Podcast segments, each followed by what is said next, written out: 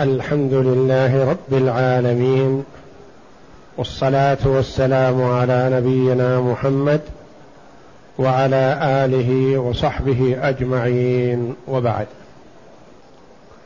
قول المؤلف رحمه الله تعالى باب ذوي الأرحام. وسبق أن عرفنا ذوي الأرحام في اللغة هم القرابة.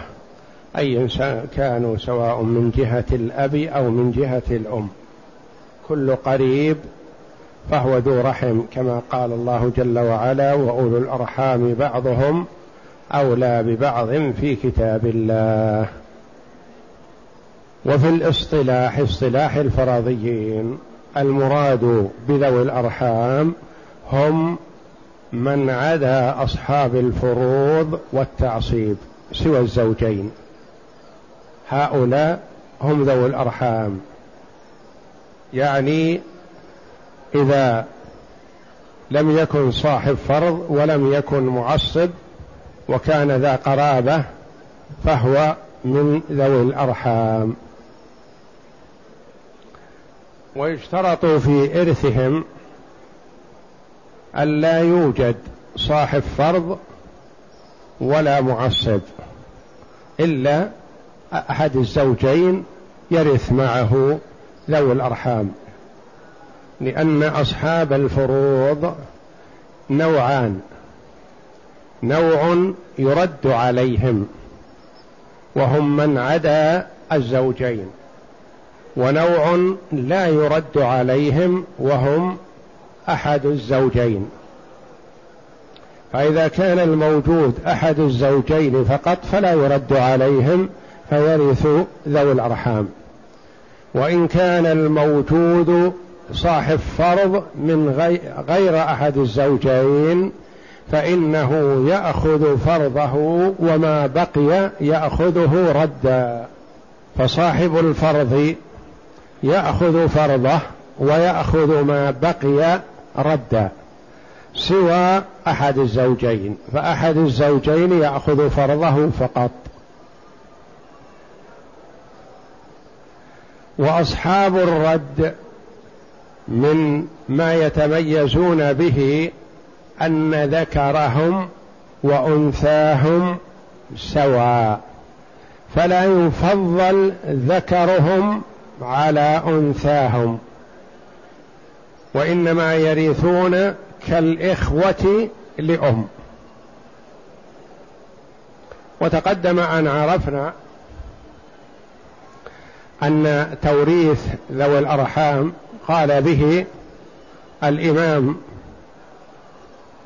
أبو حنيفة والإمام أحمد والإمام الشافعي إذا لم ينتظم بيت المال. والإمام مالك يرى أن ما بقي من أصحاب الفروض والتعصيب يرد يحفظ في بيت المال أو يرثه بيت المال. إلا أن العمل عند المتأخرين من المالكية والشافعية هو على عدم توريث بيت المال وصرف وصرف المال إلى أصحاب إلى ذوي الرحم. لأنهم قالوا أو قال بعضهم أيسنا من انتظام بيت المال فذو الرحم أولى من بيت مال غير منتظم. كم أصناف ذوي الأرحام وما هي؟ بسم الله الرحمن الرحيم. قال المؤلف رحمه الله تعالى كم أصناف ذوي الأرحام وما هي؟ نعم اقرأ. درس يا أخي هذا درس. الجواب أحد عشر صنفا الأول أولاد البنات وبنات الإبن. انتبه. يقول كم أصناف ذوي الأرحام وما هي؟ كم يسأل بها عن العدد؟ تقول ثلاثة أربعة خمسة عشرة كذا. وما هي تبين هذا العدد؟ فيقول أصناف ذوي الأرحام أحد عشر صنف. أحد عشر صنف. هذا من حيث العدد. وما هي أصنافهم؟ هذه التي سيذكرها. إلا أن المؤلف رحمه الله في الكتاب الذي بأيدينا قدم شيئا على شيء فنحب أن نعدل على ضوء ما درج عليه المؤلفون رحمهم الله. نعم. الأول. الأول أولاد البنات وبنات الإبن.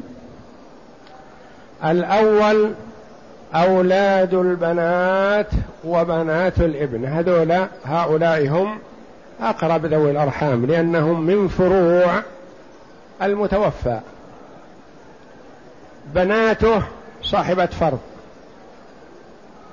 بنات الابن صاحبة فرض. وتعصيب أحيانا فرض وتعصيب كلا كل كلهن. بنات البنات وبنات بنات الابن هؤلاء من ذوي الأرحام وهم الصنف الأول الذين هم فرع المتوفى. نعم الثاني. الثاني ولد الأخوات. الثاني ولد الأخوات. قال ولد ليشمل الذكر والأنثى ولد. وكلمة ولد للذكر والأنثى في الشرع. وبنت للأنثى. وابن للذكر. والله جل وعلا قال يوصيكم الله في أولادكم. المراد بأولادكم الذكور والإناث. الأول بنات الإبن البناء بناء أولاد البنات وبنات الإبن. الثاني ولد الأخوات يعني ابن الأخت وبنت الأخت هؤلاء من ذوي الأرحام. نعم. الثالث بنات الإخوة لأبوين أو لأم. أو لأب. صححوها بارك الله فيكم. الثالث بنات الإخوة لأبوين أو لأب. بنات الإخوة الإخوة لأبوين أو لأب. أولاد ولد الأم سيأتي هؤلاء هم الرابع.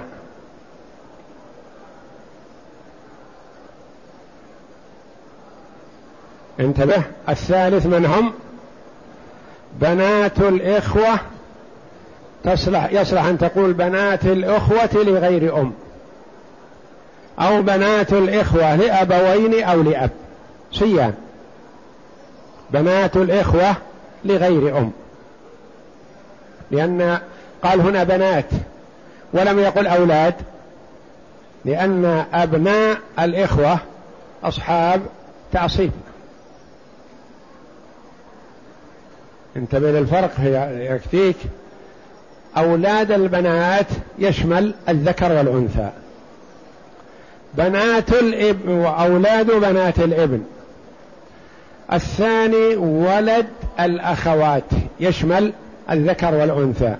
ولد الأخت وابن الأخت سيان. الثالث بنات الإخوة لأبوين أو لأب. ويصح أن تقول بنات الإخوة لغير أم ليشمل الشقيق ولأب هؤلاء الثالث. انتبه لهذا الترتيب.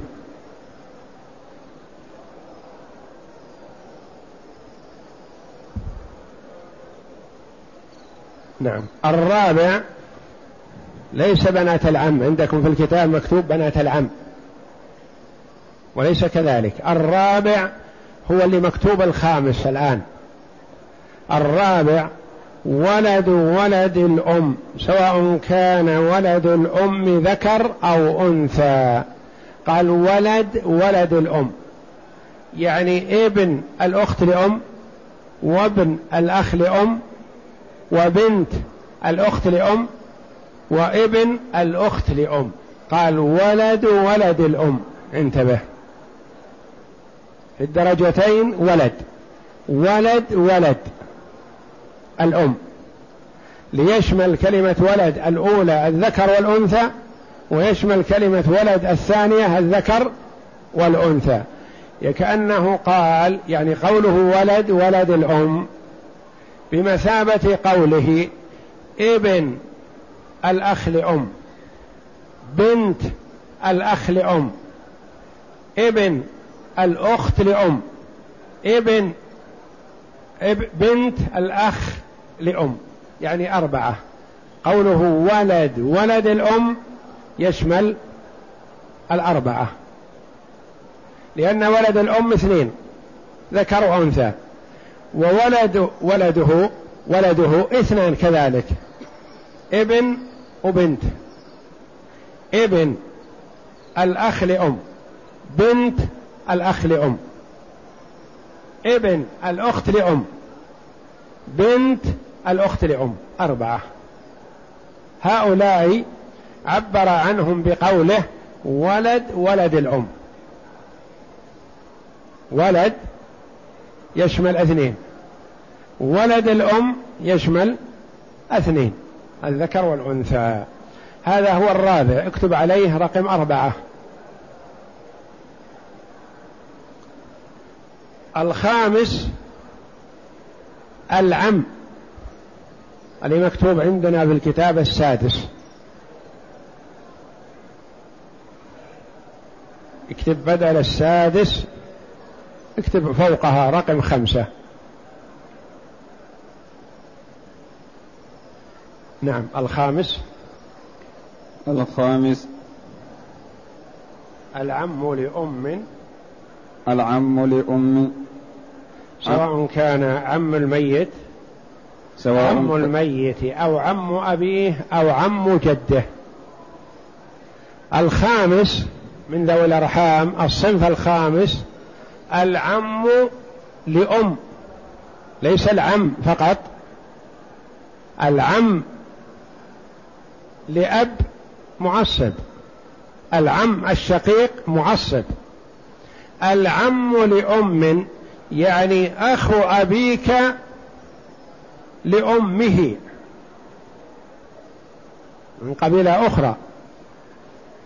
اجتمع وأبوك بالأم ولكل أب. هذا عم لأم من ذوي الأرحام. عم شقيق معصب عم لأب معصب عم لأم لأن الأعمام ثلاثة.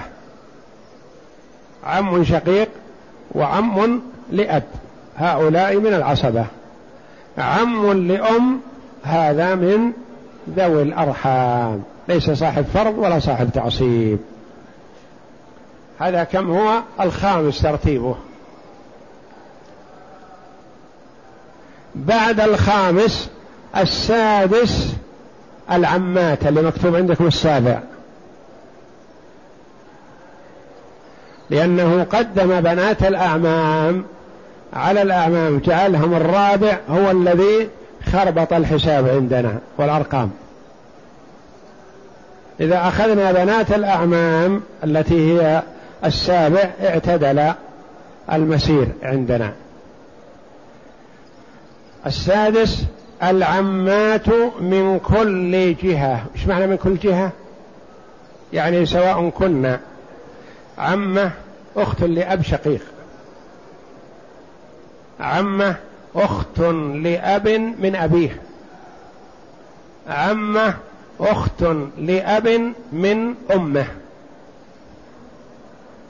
العمات من كل جهة سواء كن شقيقات أو لأب أو لأم وسواء كن عمات الميت أو عمات أبيه أو عمات جده يعني من جهة الأب. السادس العمات من أي جهة؟ وسواء كنا عمات للميت أو عمات لأبيه أو عمات لجده. يجتمعن مع الميت في الجد أو بأب الجد أو بجد الجد. هؤلاء العمات وهن الصنف السادس. السابع ارجع إلى الرابع في ترتيب المؤلف رحمه الله. بنات الأعمام لأبوين أو لأب أو لأم وبنات أبنائهم.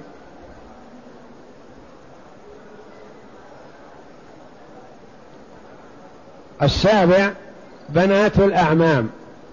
يعني سواء كان بنت عم شقيق بنت عم لأب بنت عم لأم. وبنات أبناء الأعمام. هؤلاء الصنف السابع. اللي مكتوب عندنا في الكتاب الرابع. الثامن هو هو في الكتاب. عندنا الأول والثاني والثالث في الكتاب كما هي. الأول والثاني والثالث. الرابع في الكتاب هو السابع. والخامس في الكتاب هو الرابع. قدمه. والسابع في الكتاب هو السادس. ثم يأتي بعد السادس السابع الذي هو مكتوب في الكتاب الرابع.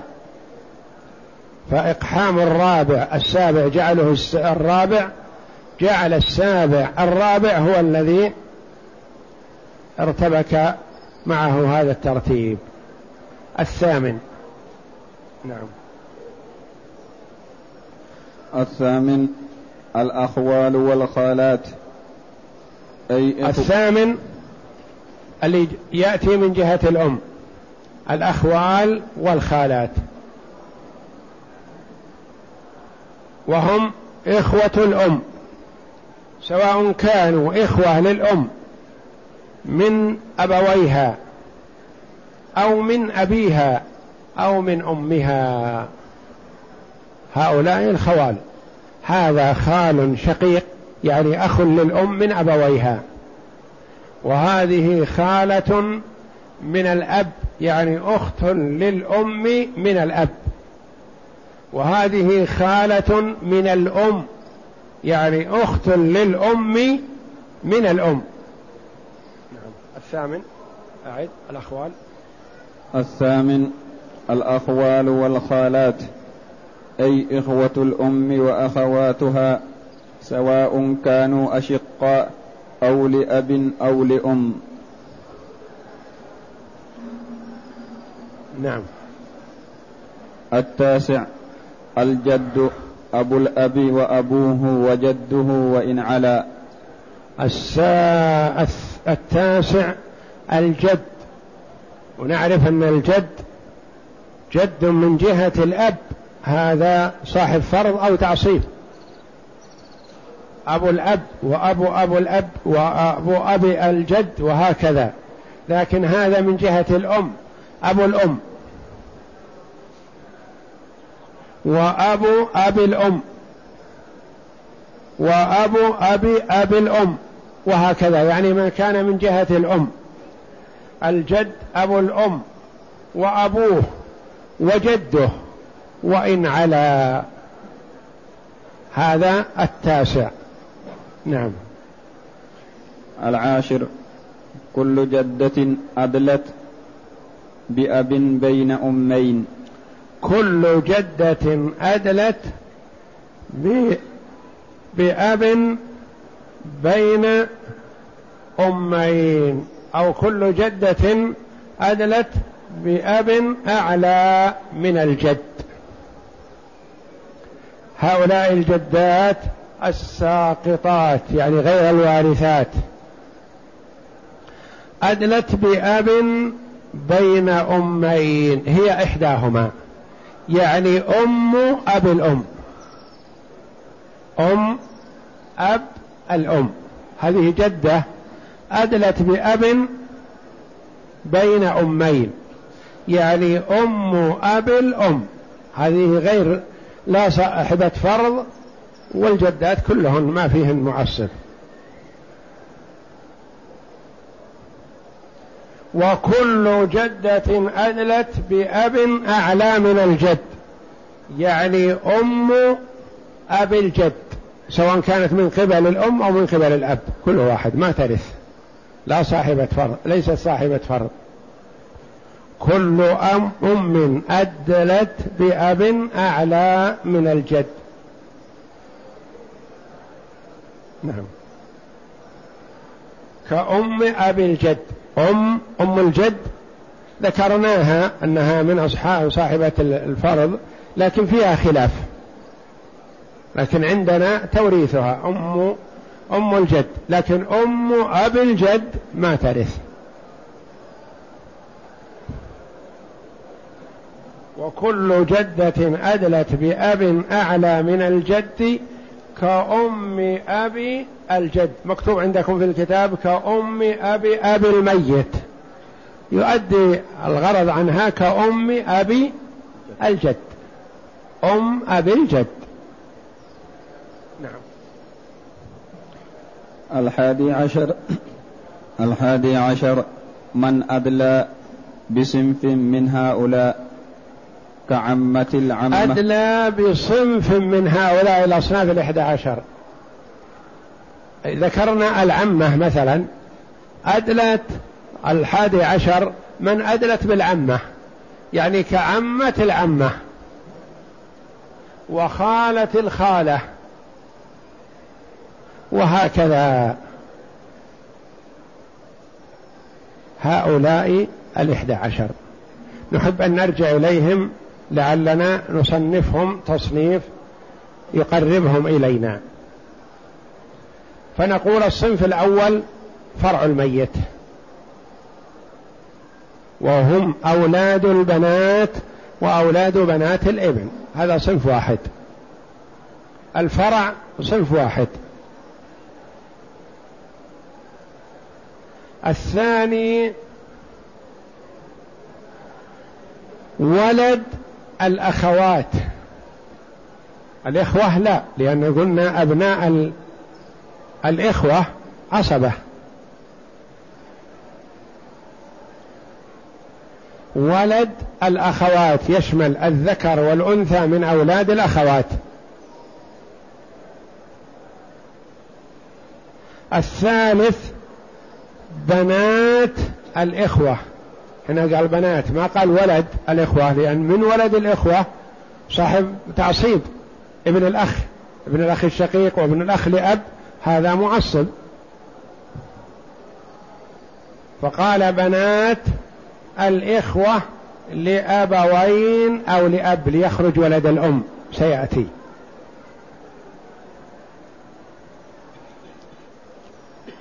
الرابع ولد ولد الأم. إذا الثاني والثالث والرابع هؤلاء يتصلون مع الميت بأبيه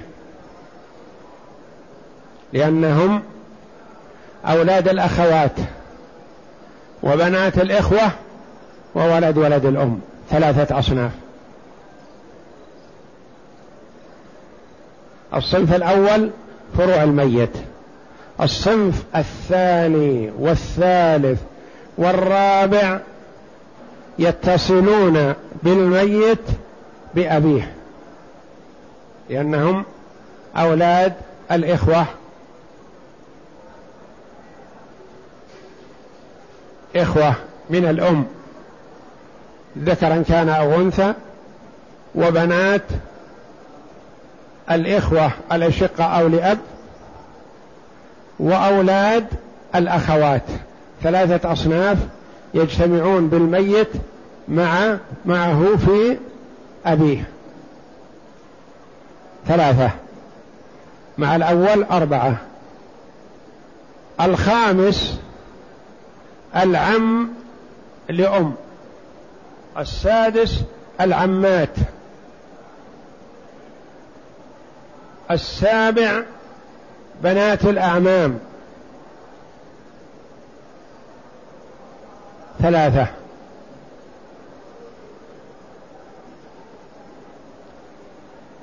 الخامس والسادس والسابع. هؤلاء يلتقون بالميت معه بجده وهم بأبيه بجده. ثلاثة. العمات. العم لأم أولا ثم العمات ثم بنات الأعمام. ثلاثة أصناف يجتمعون مع الميت في جده. الثامن الأخوال والخالات وهؤلاء يجتمعون بالميت معه في أمه الأخوال والخالات.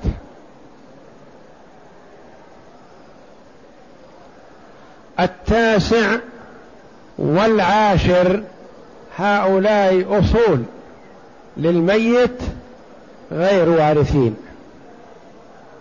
التاسع والعاشر التاسع هم الأجداد الذين لا ميراث لهم والعاشر الجدات اللاتي لا ميراث لهن بفرض. هؤلاء عشرة. والحادي عشر من أدلى بواحد من هذه الأصناف كأن يكون بنت بنت. بنت بنت بنت. يعني ليس بنت بنت وإنما هو بنت بنت بنت. يعني أدلى بهؤلاء. مثلا ومثل بنت أخ. بنت بنت أخ. بنت عم. بنت بنت عم. ولد أم. ولد ولد أم. ولد ولد ولد أم. يعني أدلى بهؤلاء إذا الفروع كم صنف؟ واحد. والذين يلتقون بالميت بأبيه ثلاثة. والذين يلتقون بالميت بجده ثلاثة.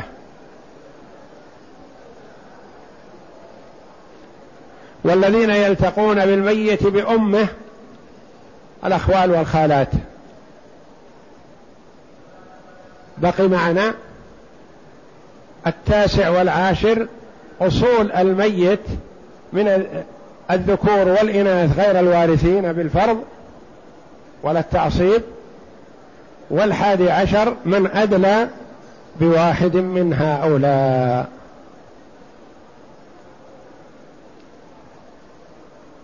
الفروع واحد. والذين يلتقون يجتمعون بالميت بأبيه ثلاثة. يلتقون بالميت بجده ثلاثة. يتصلون بالميت من جهة أمه واحد. أصول الميت اثنان. الحادي عشر من أدلى بصنف من هذه الأصناف.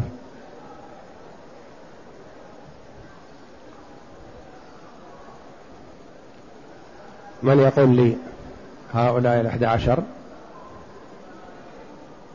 لا تنظر الكتاب. الأول فروع الميت. الثاني والثالث والرابع يجتمعون بالميت بأبيه. الخامس والسادس والسابع يجتمعون بالميت بجده. الثامن يجتمعون بالميت بأمه. التاسع والعاشر الأصول من الآباء والأمهات غير الوارثين. الحادي عشر من أدلى بصنف من هذه الأصناف العشرة. واضح ترتيبهم. أول بدأ بالفروع. ثم الأقربون الذين يلتقون بالميت بأبيه. ثم الذين يلتقون بالميت بجده. ثم الذين يلتقون بالميت بأمه. ثم الذين يلتقون بالميت الذين هم أصول للميت من ذكور وإناث من أجداد وجدات غير وارثين. الحادي عشر من أدلى بصنف من هذه الأصناف.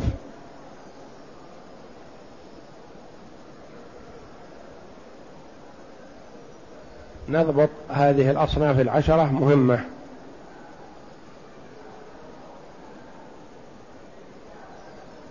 نعم. السؤال صفة. ما صفته؟ سؤال. توريث ذوي الأرحام يختلف عن توريث أصحاب الفروض والتعصيب في فروق كثيرة. من أبرزها وأهمها الذي قد لا يكون مذكور أن المجموعة من أهل التعصيب أو من أهل الفروض.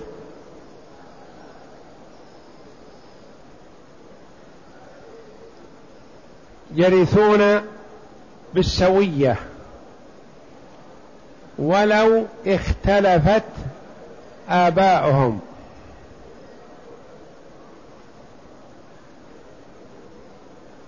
أما ذو الأرحام فيرثون بحسب ميراث من أدلوا به. يوضح هذا. ميت له خمسة أبناء ابن.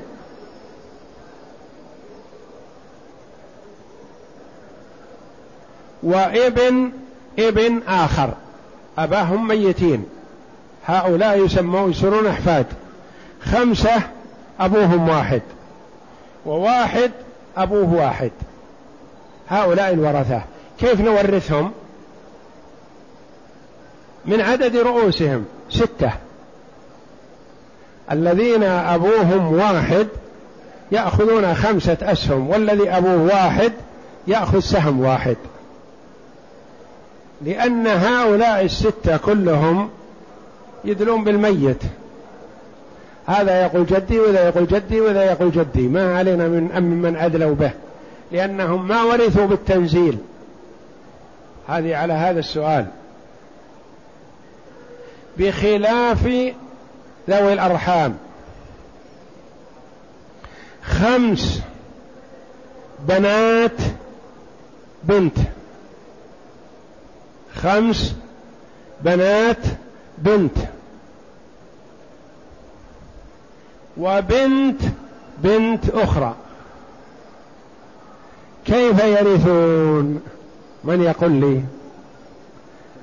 ما الذي لهؤلاء الخمس؟ لهم كم؟ لهم النصف. وهذه البنت لها النصف. لصار الورثة هؤلاء فقط.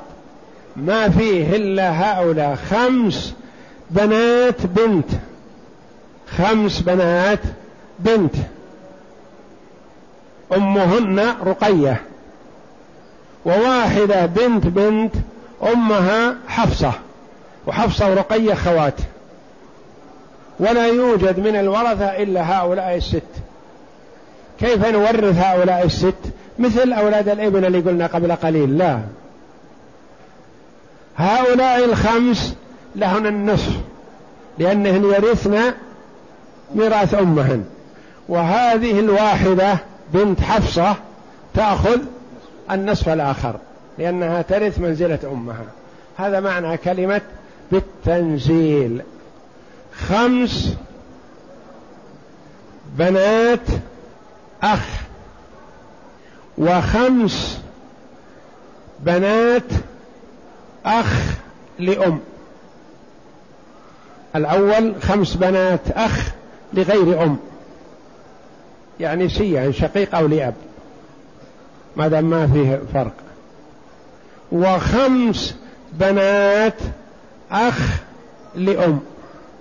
كيف نورثهن؟ نعطي بنات لا ما في غير هؤلاء.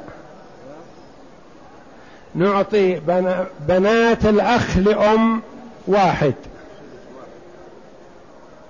ونعطي بنات الأخ لغير أم.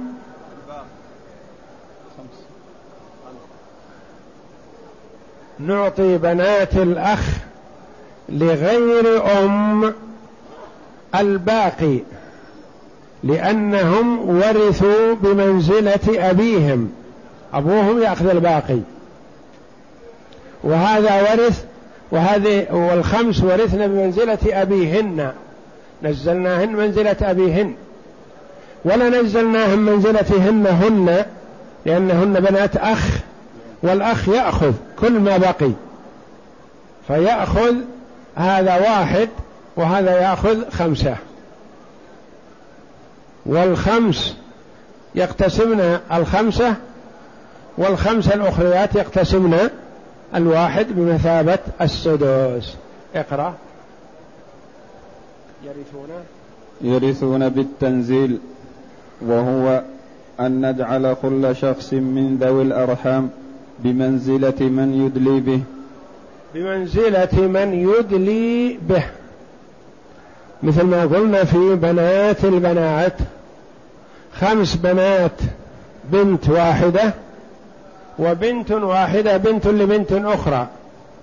جعلنا كأن الورثة البنتين فأعطينا نصيب البنت الأولى لبناتها الخمس كامل الذي هو النصف. وأعطينا نصيب البنت الثانية الذي هو النصف لبنتها واحدة. بخلاف أولاد البنين فهم يرثون من الميت مباشرة لا من أبائهم بل منزلة آبائهم. فمثلا خمسة أبناء ابن وخم خمس بنات ابن. خمس بنات بنت ابن. وخمس خمسة أبناء بنات خمسة أبناء بنت ابن آخر. وبنت بنت أخرى. كأن الميت له ثلاث بنات. الميت له ثلاث بنات كلهن متن قبله. البنت الأولى خلفت خمسة أبناء. البنت الثانية خلفت خمس بنات. البنت الثالثة خلفت بنت واحدة. هؤلاء يقسم المال بينهم أثلاثا. كأن الوارث هو أمهاتهم فخمسة ذولا لهم ثلث والخمسة البنين لهم ثلث والبنت الأخرى الثالثة لها ثلث. هذا إذا كانوا من ذوي الأرحام. عكسها من ذوي العصبة مثلا خمسة أبناء ابن. وخمس بنات ابن آخر.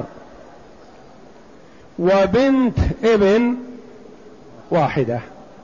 يعني الميت خلف ثلاثة أبناء. الابن الأول له خمسة أبناء. الابن الثاني له خمس بنات.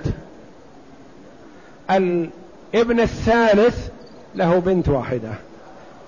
كيف توريث هؤلاء؟ انتبه. خمسة أبناء ابن. هذا ما هو بتعصي ما هو فرض ولا ذوي الأرحام. خمسة أبناء ابن وخمس بنات ابن آخر وبنت ابن ثالث. من كم؟ من عدد رؤوسهم. خمسة عبارة عن عشرة وخمس خمسة عشر والبنت ستة عشر. من عدد رؤوسهم لأنهم كلهم كأنهم أبناء رجل واحد من لأن هذا جدهم يرثون جدهم. ما هؤلاء يرثون بالتنزيل؟ لو ورثوا بالتنزيل لأعطينا بنت الابن الأخيرة ذي ثلث المال ونحن لا نعطيها.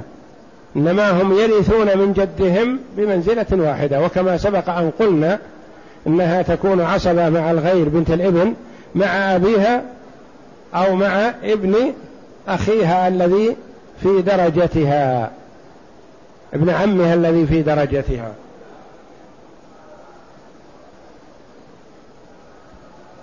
نعم كمل هذا.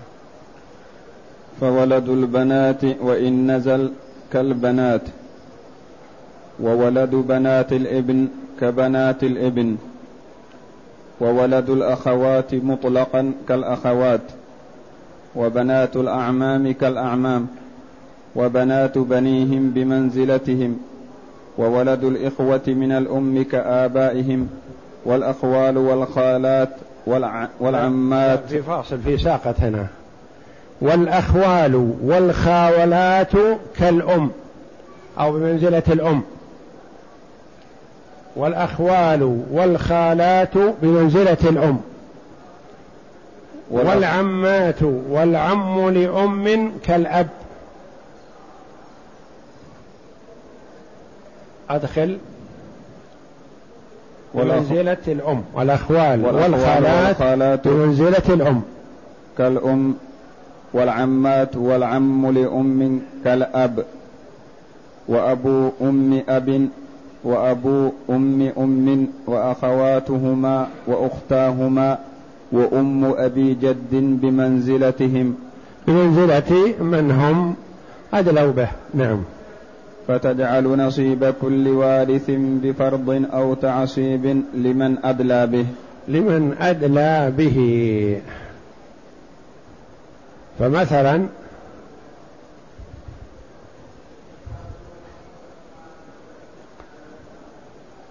خالة الأم. خالة الأم. يعني بمنزلة الجدة لأم إذا لم يوجد بمنزلة الجدة. العمة بمنزلة الأب. إذا هلك هالك عن عمة وخالة ما يوجد له إلا عمة وخالة. كيف نورثهم؟ المسألة من كم؟ من ثلاثة. المسألة من ثلاثة. للخالة واحد وللعمة اثنين.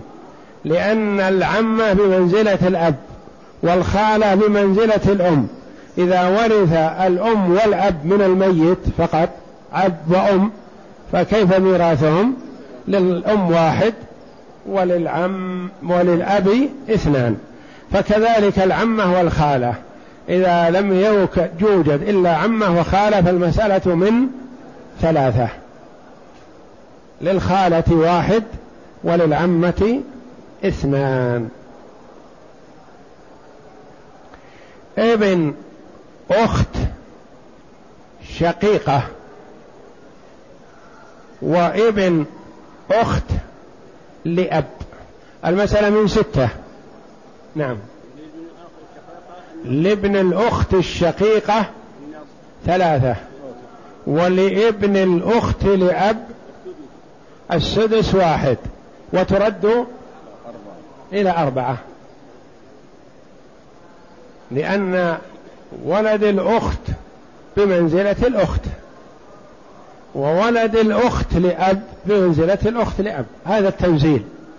بنت عم شقيق وبنت عم لأب.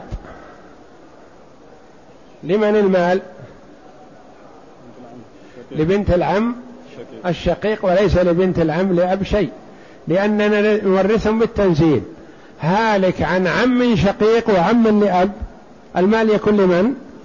للعم الشقيق. بنت خالة.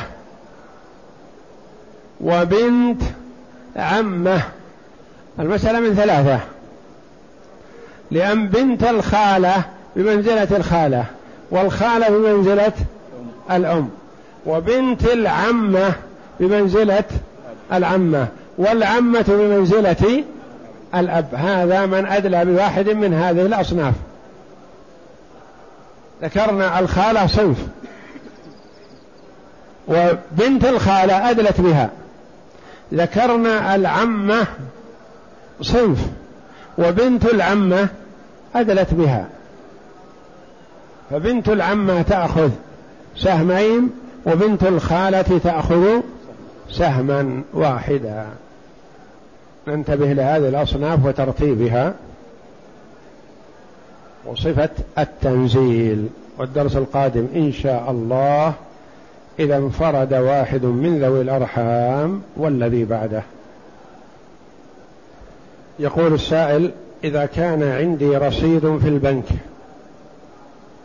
وفرض له البنك فوائد وأخذت هذه الفوائد وتصدقت بها أو عملت بها مسجد فهل هذا صحيح؟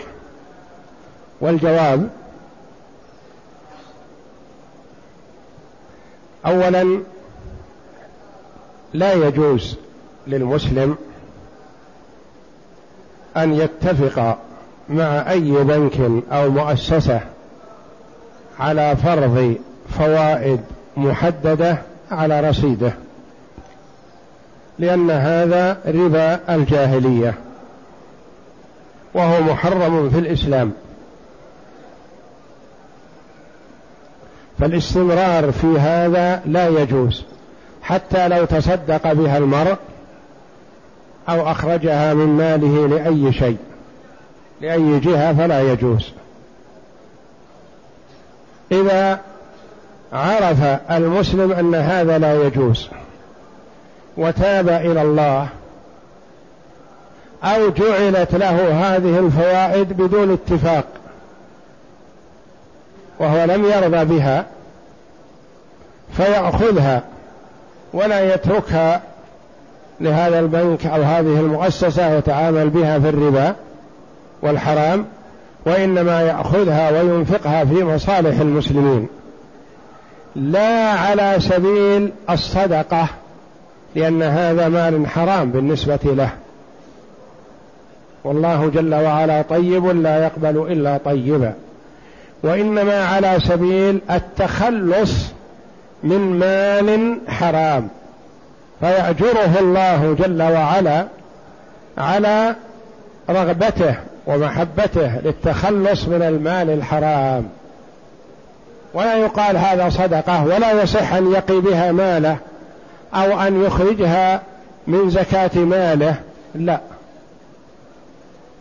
وإنما يخرجها على سبيل التخلص. من هو هذا الذي يخرجها؟ صنفان من الناس. شخص كان يتعمل بهذا تعمدا لكنه تاب وأناب إلى الله. أو شخص يجهل هذا ولما علم أراد أن يتخلص منها. نقول خذها وانفقها في مصالح المسلمين. وهذا الإنفاق سواء أعطيتها لفقراء أو بنيت بها مسجد أو حفرت بها بئر أو أجريت بها نهرا أو ماء أو عبدت بها طريقا أو نحو ذلك من أي في أي طريق من طرق التخلص من المال الحرام. لا على سبيل الصدقة. فمثلا إذا اجتمع عنده من المال الحرام هذا عشرون ألف وزكاة ماله ثلاثون ألف. أخذ العشرين وأضاف إليها عشرة؟ لا هذا ما يصح لأن هذه ليست له. والمطلوب أن يخرج العشرين الثلاثين صدقة ماله من ماله لا من هذا المال الحرام. وإنما يخرج هذا المال الحرام على سبيل التخلص والله جل وعلا يأجره على ذلك. ولا يجوز للمسلم أن يستمر في هذا ويقول كلما اجتمع شيء ما أدخله على نفسي. نقول لا إذا فعلت هذا فأنت مرابي محارب لله ورسوله. يقول السائل لنا ثلاثة أيام في مكة وسنغادر هل يلزم طواف الوداع علينا علما بأننا قد قدمنا لأداء العمرة؟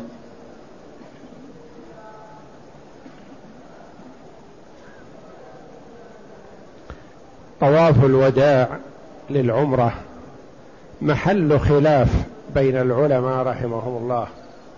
بعض العلماء يرى أنه واجب كما يجب في الحج وبعض العلماء يرى أنه ليس بواجب كالحج وعند الجميع لا يجب بترك هذا الطواف هدي. والأولى للإنسان أن يطوف طواف الوداع لأنه قربة وعبادة وطاعة لله جل وعلا.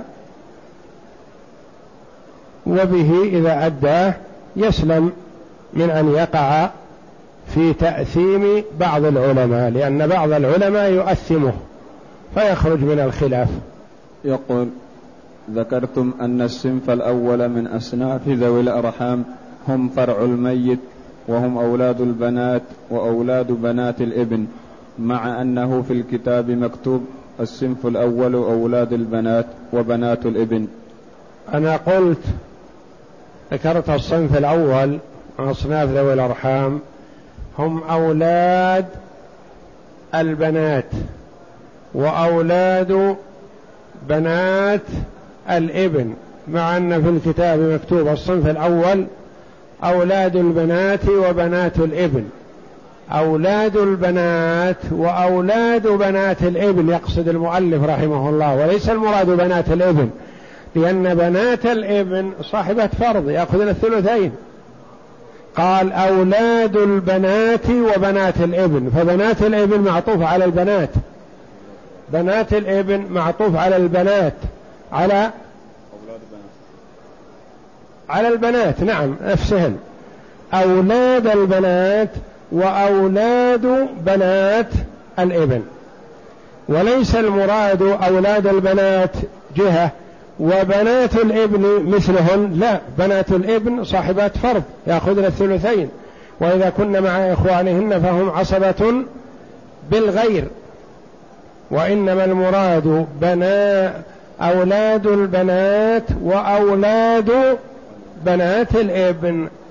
إذا خشيت أن يشكل عليه فاكتب قبل بنات الابن أولاد. أولاد البنات وأولاد بنات الابن. وقربناها قلنا هم فرع الميت غير الوارث. فرع الميت غير الوارث. لأن له فرع وارث وهم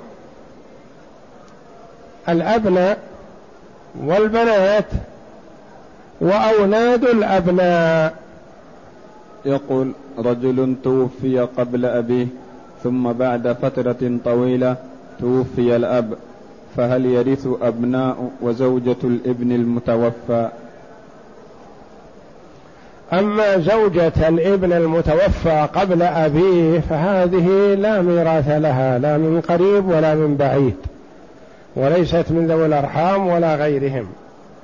وأما أولاد الابن المتوفى قبل أبيه فلا يخلو. إن كان لهم أعمام قبلهم وعمات يحجبونهم فلا يرثون.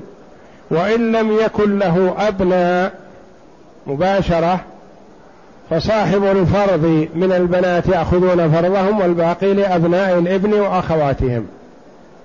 فهم لا يرثون مع أعمامهم وإنما يرثون إذا لم يوجد أعمام. وقد يرثون مع العمات يعني تأخذ العمات نصيبهن والباقي يكون لأولاد الإبن للذكر مثل حظ الأنثيين تعصيبا. أو وصية إذا وصى لهم بوصية فنعم. يقول خالة وعمة الزوجة هل هي من المحارم؟ لا خالة الزوجة وعمة الزوجة لست محرما لهن لأنه يصح أن تتزوجها متى؟ إذا ماتت الزوجة تتزوج خالتها أو تتزوج عمتها. والمحارم ما يصح أن تتزوجها في يوم من الأيام. مثل أم الزوجة هذه أنت محرم لها. لو ماتت الزوجة تتزوج أمها؟ لا. ولا تتزوج بنتها. المحارم ما يصح أن تكون في يوم من الأيام أنت زوجا لها وإنما فيه محرمات إلى أمد. فالخالة خالة الزوجة وعمة الزوجة وبنت الزوجة وأم الزوجة آه خالة الزوجة وعمة الزوجة وبنت أخي الزوجة وبنت أخت الزوجة هذه محرمات إلى أمد. ما دامت الزوجة معك فهي محرمة ويصح أن تتزوجها. أما أم الزوجة وبنت الزوجة فهذه محرمات على التأبيد. يعني تزوجت هذه المرأة ثم طلقتها فأمها خالة لك باستمرار أنت محرم لها. بنتها أنت محرم لها باستمرار ولو طلقت الأم ولو كانت مع زوج آخر. يقول لي أخ من أمي توفي وليس له أولاد وله زوجة وأخوان من أبيه. هل لي حق في الميراث؟ الجواب نعم لك حق. الزوجة لها الربع وأنت لك السدس بصفتك أخ من أم والباقي للأخوين من أبيه المرأة تصوم صوم القضاء ثم جاءتها الدورة الشهرية وأكلت. هل عليها شيء؟ ما ليس عليها شيء. تفطر كما تفطر في رمضان في الحيض وليس عليها شيء. وتقضي ما بقي عليها من أيام مستقبلا.